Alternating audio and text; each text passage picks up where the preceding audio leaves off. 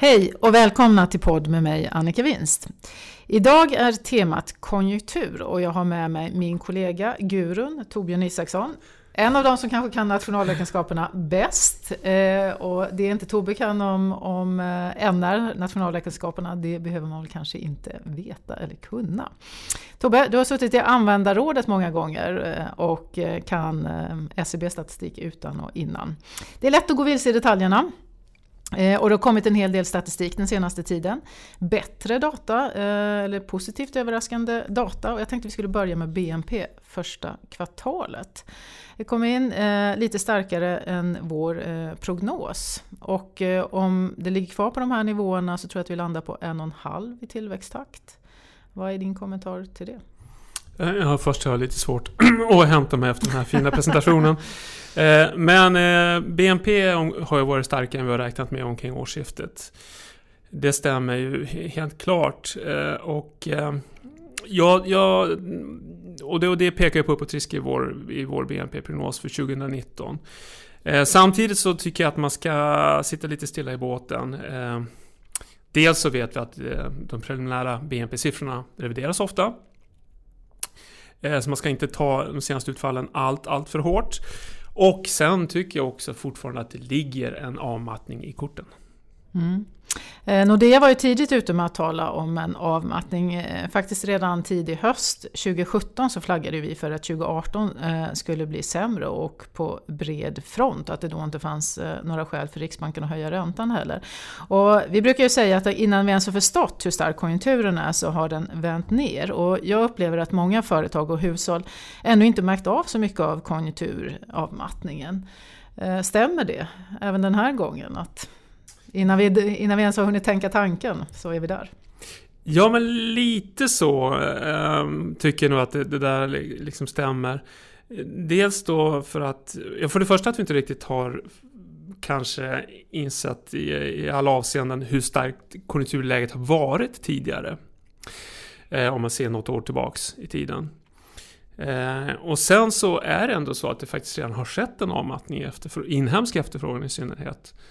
Eh, och eh, samtidigt som det mycket tyder på en, en, en eh, liksom svag exportutveckling framöver. Så jag tycker nog att man kan faktiskt använda det här uttrycket nu också. Det här att vi inte Innan vi, har förstått, innan vi ens har förstått hur stark konjunkturen är så har den vänt ner. Det tycker jag faktiskt går att använda den här gången också. Mm. Eh, prognosen är ju en, en svag konjunktur 2019 och en BNP-tillväxt på, på 1%. Eh, och, och då sa jag att eh, första kvartalet kom in lite bättre än vi förväntat och du kommenterade det. Men om man tittar på detaljerna. Eh, inhemskt eh, hade vi i stort sett eh, flat utveckling förra året. Vad tänker du om den in, de inhemska delarna? Vad man kan förvänta sig av konsumtion, investeringar, offentlig sektor?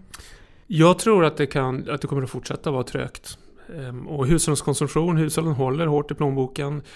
Ehm, ehm, vi ser att konsumentförtroendet är eh, nedtryckt eh, och de senaste utfallen på hushållens konsumtion eh, har ju varit lite mixade. Detaljhandeln är lite starkare men hushållskonsumtion för den senaste noteringen vi har för april har varit däremot svag.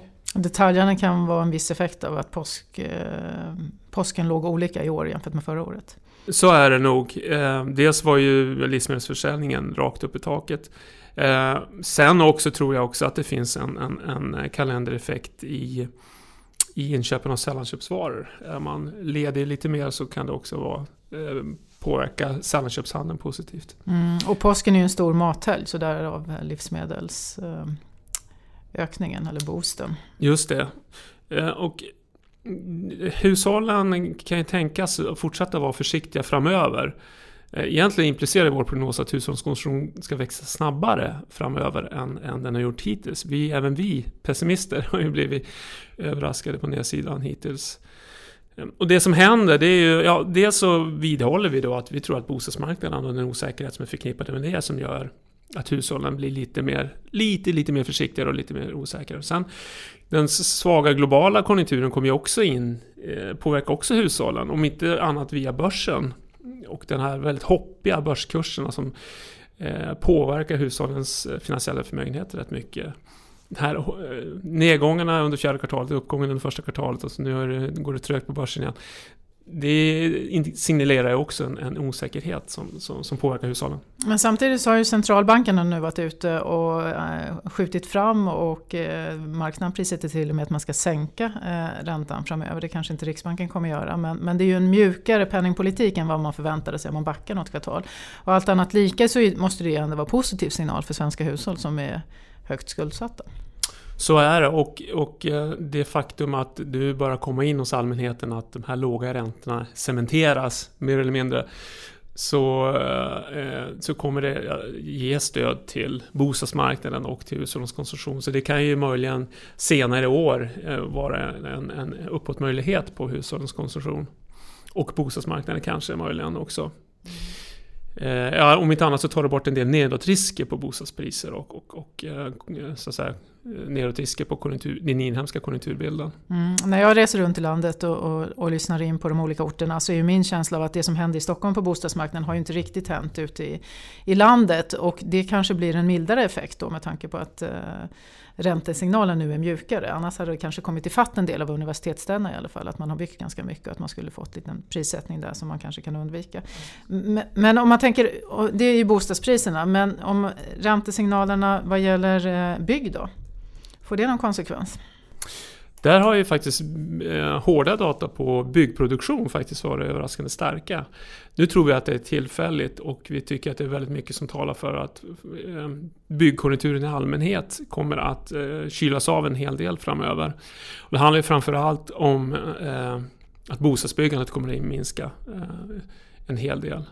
Eh, bostadsbyggandet har redan minskat och det trycker ner bostadsinvesteringarna som det mäts national, nationalräkenskaperna eh, sjunker och håller tillbaka BNP-tillväxten en hel del redan och det där tror vi kommer fortsätta. Och infrastrukturinvesteringar som sker på ganska bred front det kan inte väga upp eh, det minskar ju, eh, bromsar nedgången, det gör det ju. Men, men det, det tycks inte förhindra att de totala investeringarna, bygginvesteringarna kommer att falla senare i år och, och nästa år.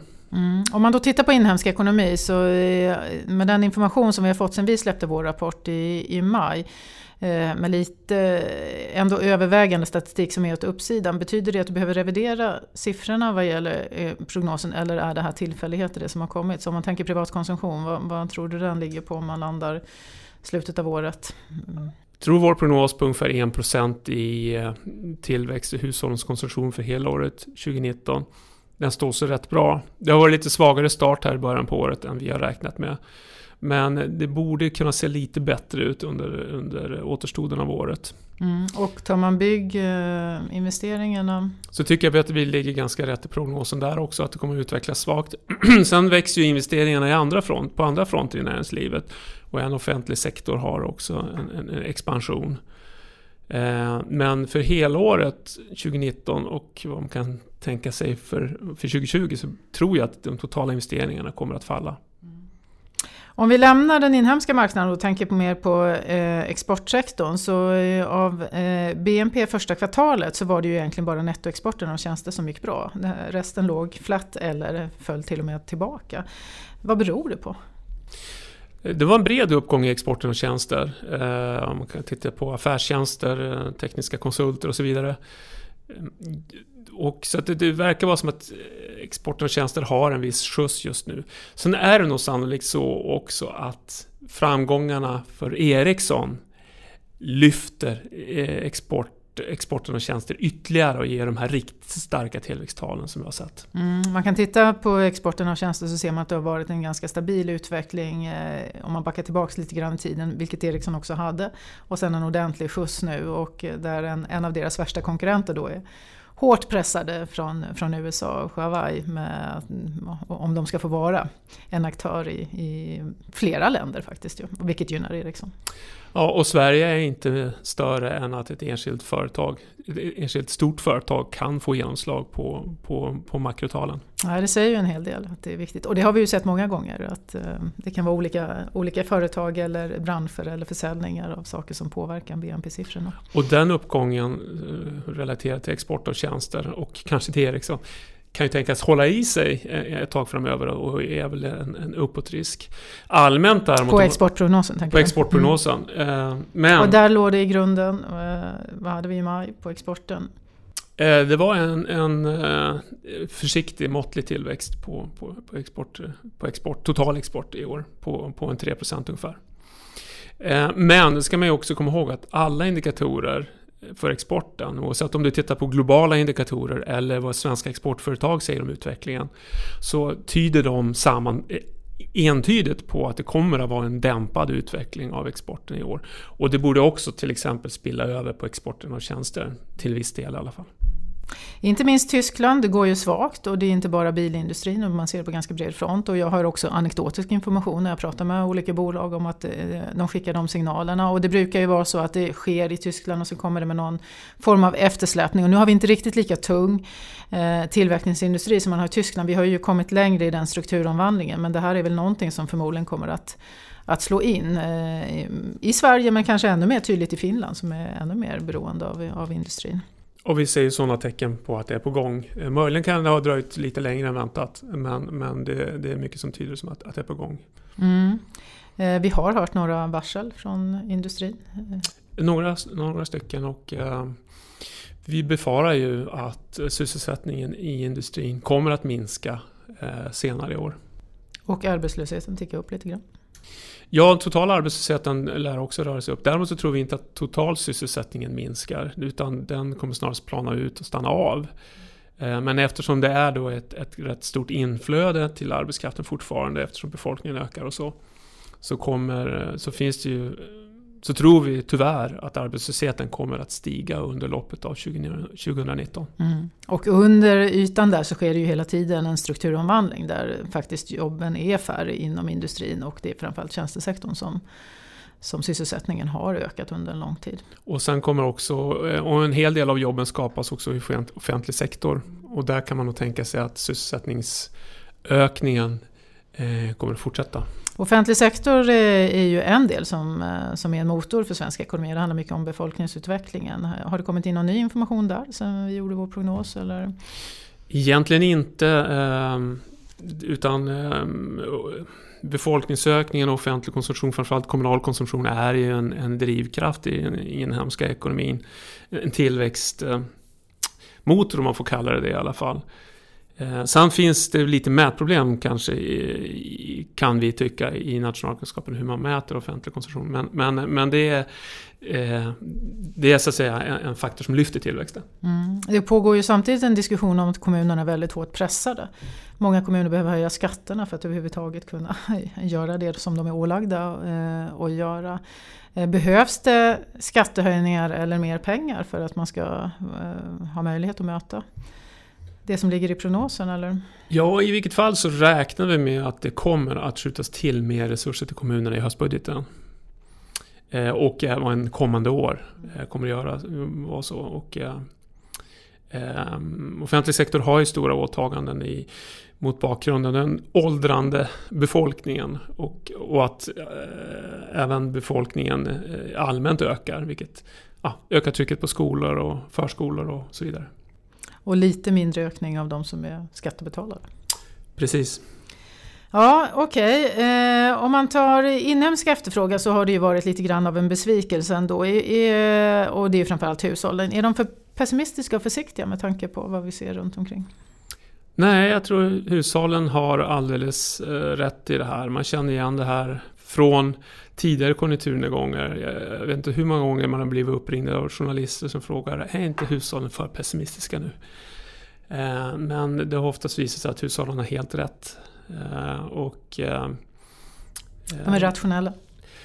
Ja, och någonstans är ju den här hushållsundersökningen som Konjunkturinstitutet gör, blir ju en enkät ute hos hushållen och de jobbar ju också på företag så det blir ju liksom en konjunkturbarometer i sig. Det kan ju vara en indikation på att arbetsmarknaden är inte riktigt lika stark längre som den varit tidigare till exempel. Nej. Och man tar till sig såklart också eh, andra osäkerhetsmoment som, som finns numera. Mm. För mig är det ju alldeles uppenbart att en av de vanligaste frågorna jag har fått under mycket lång tid, eh, och det är möjligt jag har nämnt det i någon podd här, det är ju brist på kompetens och arbetskraft. Och den frågan är inte alls lika vanligt förekommande och den kommer absolut inte först längre. Så det har ju ändå hänt någonting i, i signalvärdet från, från företagen som som de anställda förstås fångar. Och det börjar också synas, vissa indikatorer börjar bli ganska dystra. Det är, de viktigaste indikatorerna ska jag säga fortfarande tyder på en avmattning i sysselsättningstillväxten. Och inte dramatiska ännu, men sen finns det några nyanmälda lediga platser till exempel som börjar se lite mer bekymmersamma ut. Mm. Eh, hur ska man då beskriva den här konjunktursvackan? Eh, lågkonjunktur, fortfarande avmattning? En avmattning från en stark nivå är egentligen inte så dramatisk i den meningen. Det, det som är jobbigt är det att arbetslösheten stiger. Och vår bedömning är att resursutnyttjandet faller också. Och, eh, och kan ju falla under så att säga, normal nivå. Eh, eh, men, men någon djup lågkonjunktur, det, det ser vi inte i korten än så länge i alla fall. Och om resursutnyttjandet faller under låg nivå, vad, vad ska centralbankerna då göra? Vi har ju nyligen sett amerikanska centralbanken som tydligt har markerat att de inte kommer fortsätta höja räntan och det är snarare så att det är flera räntesänkningar inprisade. Den europeiska har skjutit fram sina eh, räntehöjningar och eh, eh, vår bedömning är att Riksbanken också kommer att behöva göra det. Eh, har de några möjligheter att stimulera? I, det, det, det, är där dramatiken i den här avmattningen ligger egentligen. Eh, och det har ju redan fått konsekvenser för centralbankerna som har eh, lagt eh, åt tidigare. Först har man ju lagt åtstramningsplaner åt sidan. Och nu är det ju mer och mer som tyder på att det blir stimulanser. Och det här kommer ju också påverka Riksbanken. Det gör det redan nu faktiskt. Eh, räntehöjningar känns ju mycket, mycket, mycket avlägsna. Utan Istället har ju marknaden vänt och börjat spekulera i, i ytterligare stimulanser i någon form. Mm, och vad kan man stimulera med då? Man har ju redan gjort mycket, köpt stora delar, eller 40-45% av obligationsstocken. Ja, en knepig fråga där. Alltså, verktygslådan är ganska tom. Det första Riksbanken gör är att man drar ner räntebanan rejält och tar bort nästan alla räntehöjningar man har där. Så det är en form av signalvärde? Ja, precis. Sen kanske lite mer QE, framförallt för staten kanske, om man får spekulera lite grann. Eh, kanske mixtra med räntekorridoren. Eh, eh, och till sist, och, men att sänka själva reporäntan skulle jag nog ändå tro att då krävs det en betydligt svagare konjunktur än, än det, det vi skissar på. Mm. Eh, bostadsobligationer? Kan det bli så illa att man går in och köper det? Då måste det nog hända något allvarligt på bostadsmarknaden och, eh, för att det ska bli aktuellt. Eh, och, och skälet till det är förstås att om man köper bostadsobligationer så gör man det eh, ännu billigare att skuldsätta sig som, som hushåll och det är det man vill undvika på något sätt. Ja, precis.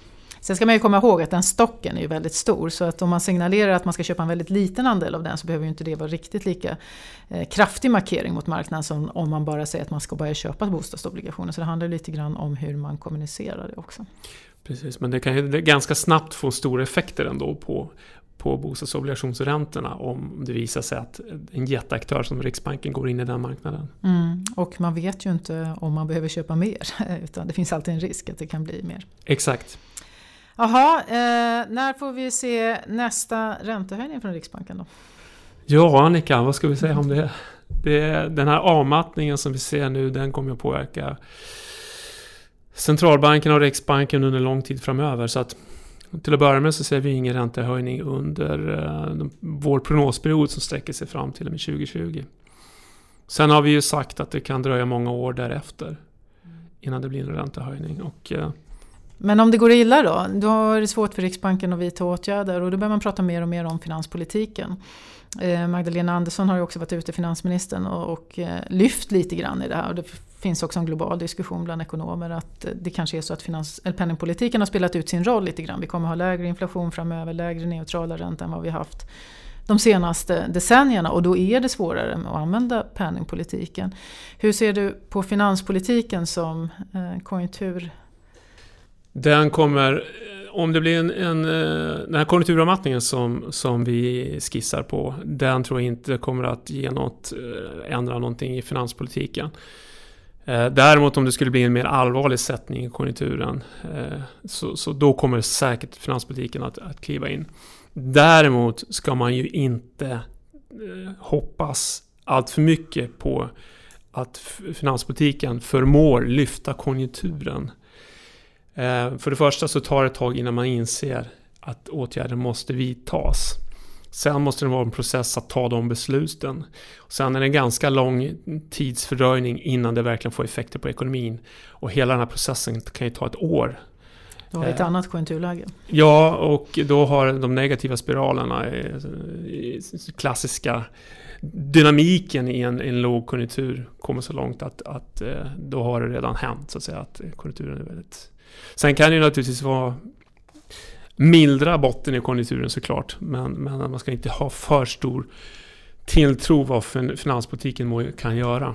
Nej, och sen ska man också komma ihåg att om man väl börjar använda finanspolitik så kan det vara svårt att backa ur den. Eh, har man gett extra barnbidrag eller något annat i hushållen som är konsumtionsbenägna för att få fart på ekonomin så är det alltid mycket svårare att säga att Nej, men nu ska vi ta bort det där och det finns en risk att man får en mer eskalerande eh, politik än vad man hade tänkt sig på, på lång sikt. Men om vi ska sammanfatta det här då så tolkar jag det som att ja, det har kommit in lite svagare, eh, eh, bättre statistik än, än, vad vi har, hade i vår prognos men det finns frågetecken om det där och det blir inga stora revideringar eh, från eh, vårt sätt att se det utan vi har ett blekt 2019 där inhemsk ekonomi går svagt och där det också finns risker eh, globalt och inte minst med Europa och Tyskland som är som är svagare än, än, eh, än, vad, vi har, än vad det har varit och en viktig, en viktig motor för oss. Och i den miljön blir det väldigt svårt för Riksbanken att höja räntan. Det är en bra sammanfattning. Jag ska bara säga att, att eh, jag ser egentligen inga specifika skäl till att BNP för fjärde kvartalet förra året eller första kvartalet i år ska revideras ner. Utan det är bara en allmän försiktighet att vi vet att, att, att siffrorna eh, ofta justeras. Eh, och att man ska ta de senaste BNP-utfallen med en nypa salt. Mm. Har eh, Statistiska centralbyrån haft med sig eh, det när de gjorde svagare siffror i när de gjorde BNP-kvartalssiffran? Nej, de eh, följer sina gängse beräkningsramar. Men sen vet vi också att eh, det tycks finnas ett mönster i att man underskattar BNP-uppgångar och eh, framförallt underskattar eh, överskattar BNP i nedgångar. Mm, kraften. Mm. Alltså, precis. att eh, eh ja, Till exempel 2012 så var de första BNP-siffrorna hyggliga. Men sen med en, en viss eftersläpning så reviderades 2012 till, till eh, en nolltillväxt faktiskt. Mm. Eh, det är svårt att använda sig av historien i, i, för företag och hushåll så att säga. Så att man får ju på något sätt anpassa sig till det som, som bjuds. Men om du ska sätta en prognos för 2019 nu?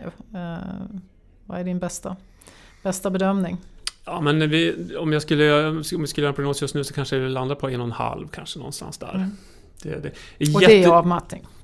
Ja, det, det, i synnerhet är sammansättningen ogynnsam då, den inhemska efterfrågan. Ogynnsam, ja. Ogynnsam, mm, mm. Den, den inhemska efterfrågan går trögt. Eh, så att... Det betyder att eh, hushåll och företag kommer bli varse lite sämre tider. De som inte riktigt har märkt det ännu de kommer att känna lite mer tydligt men det är ingen jättedramatik. Det här är eh, sista eh, podden inför sommaren. Eh, vi tar en paus och sen kommer vi tillbaka till augusti och då kanske det blir konjunktur igen första gången. Vi får väl se men vi kan behöva uppdatera. Oftast är många företag nyfikna på hur läget ser ut inför hösten. Så att, då är du säkert välkommen tillbaks Tobbe. Stort tack och tack alla ni som har lyssnat. Tack så mycket.